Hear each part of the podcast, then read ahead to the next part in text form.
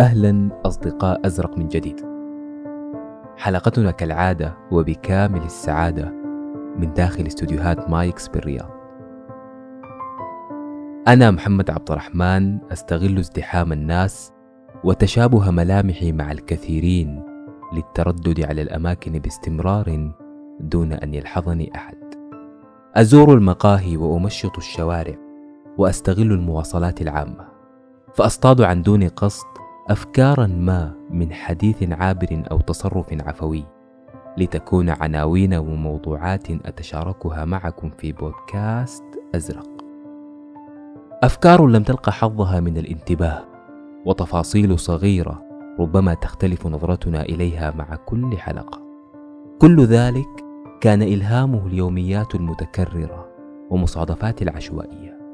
المهم والمهم جدا للأمانة أنه ربما تستمع لحلقة ذات مرة وتكون أنت صاحب الفكرة في الأساس.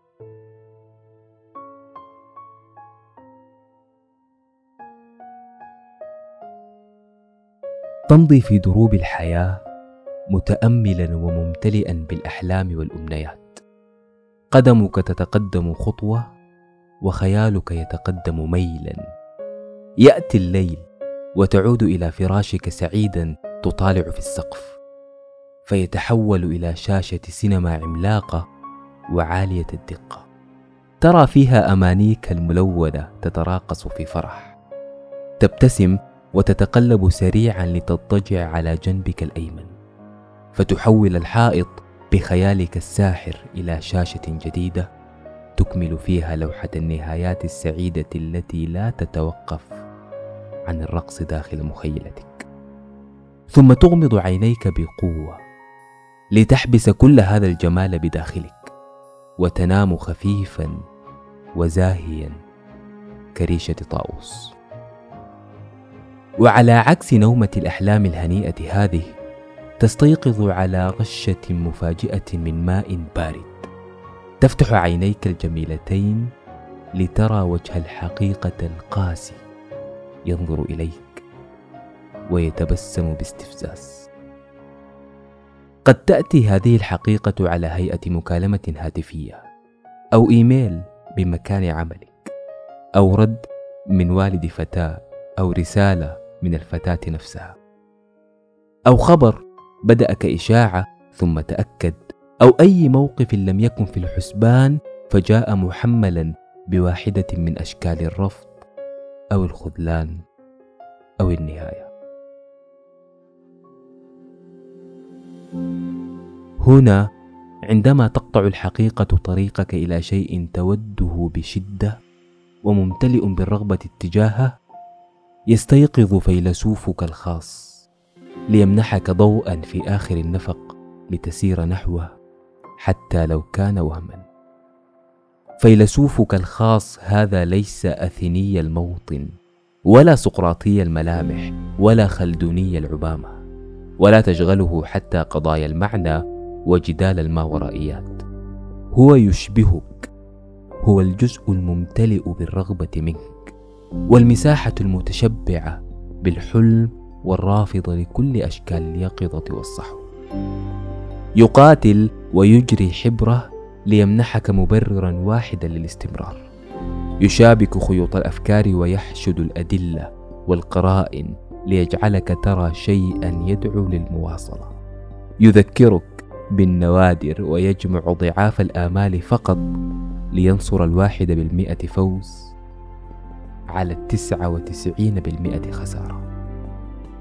عندما تعترض الحقيقة طريقك ولا زالت رغبتك في الشيء ملحة ستصمت الشيخ الحكيم الذي بداخلك ذلك الذي يحدثك بالقناعة والرضا. وستخرس عالم الرياضيات الذي همه أن يعوض المعطيات في القانون لأن المعادلة خاسرة وعندها فقط سيتقدم فيلسوفك الخاص ليسمعك ما تريد ويريك ما تود أن ترى.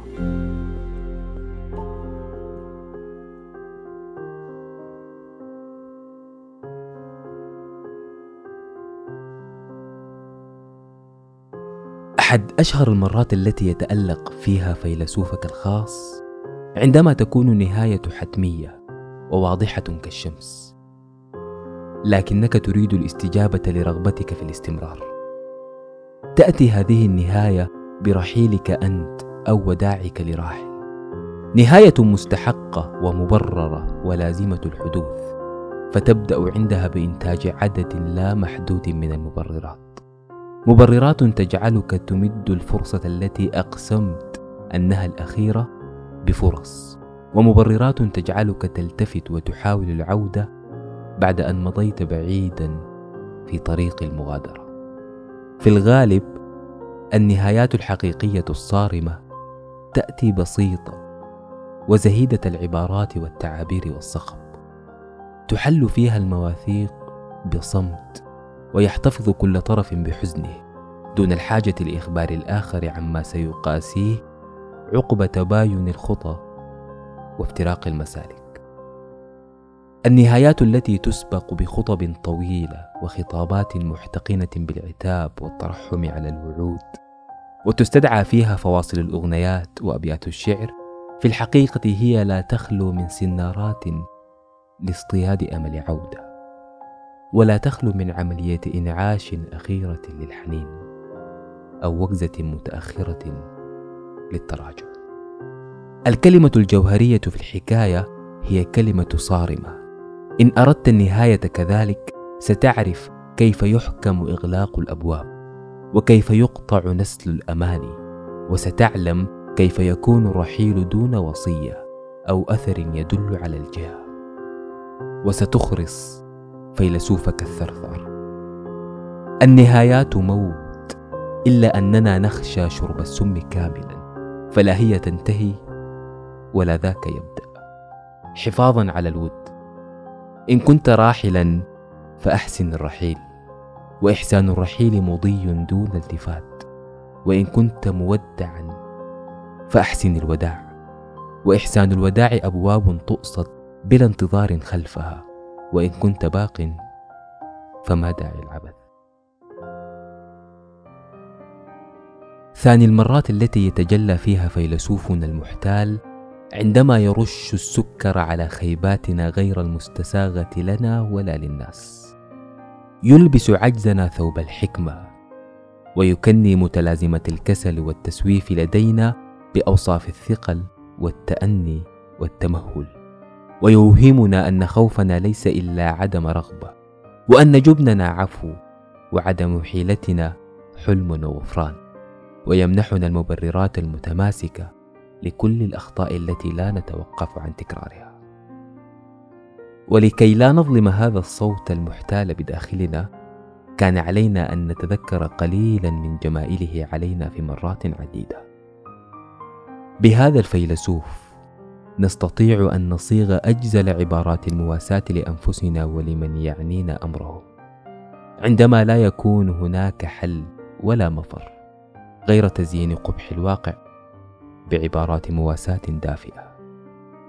وبهذا الفيلسوف نستطيع أن نوجد ملمحا بعيدا لضوء آخر النفق الموعود عندما يسوء الحال. وبهذا الفيلسوف نجتهد.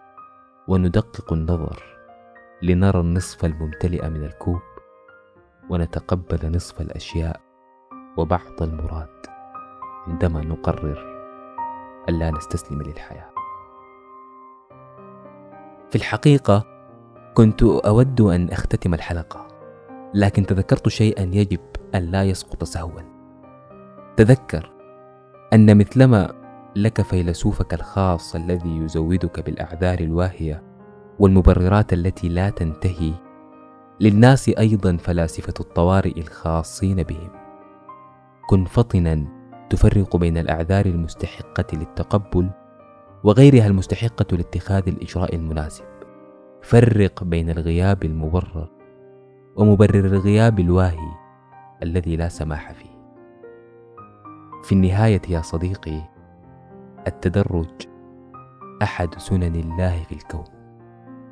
وما المفاجآت الصادمة إلا قصور في الإدراك.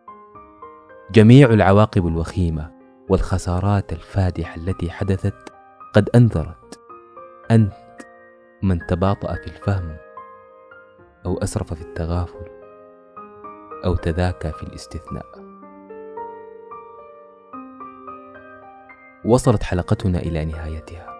شاركوا الحلقة مع من تظنون أنها ستروق له. نلتقي مجددا في موضوعات وحلقات جديدة من بودكاست أزرق.